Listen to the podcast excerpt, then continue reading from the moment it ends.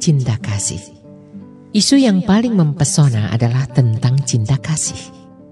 Kalau seseorang tahu ini adalah hari terakhir kehidupannya, maka ia akan bersikap penuh kasih, diwarnai senyum, penuh dengan cinta tanpa keributan, tanpa air mata, penuh dengan kelembutan. Kalau kita tahu akan terjadi bencana beberapa saat lagi, maka kita akan berbagi kecemasan atau ketabahan dengan landasan cinta. Hilanglah kebiasaan menguasai atau mengendalikan orang-orang yang kita cintai. Sayangnya, dalam kondisi normal, orang lebih suka mengendalikan orang yang dikasihinya. Seorang istri mungkin akan menggunakan tangisnya untuk mengendalikan suami.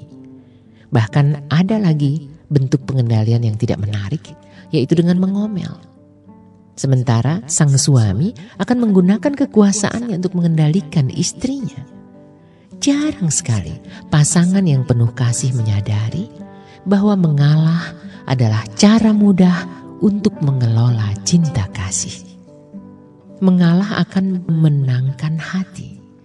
Seseorang dapat berbicara dengan penuh pengertian bahwa ia akan didengar dan difahami, bahwa dia akan dipercaya Bukankah Rasulullah Shallallahu Alaihi Wasallam juga bersabda, orang mukmin yang sempurna imannya adalah orang yang baik budi pekertinya di antara mereka, orang yang paling baik sikapnya terhadap istrinya.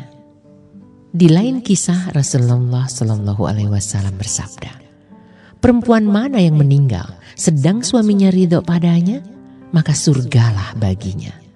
Allah pun berfirman pada Quran surat An-Nisa ayat 34 yang artinya laki-laki itu menjadi pemimpin kaum perempuan karena Allah melebihkan sebagian mereka dari sebagian lainnya dan ia memberi belanja dari hartanya bagi perempuan.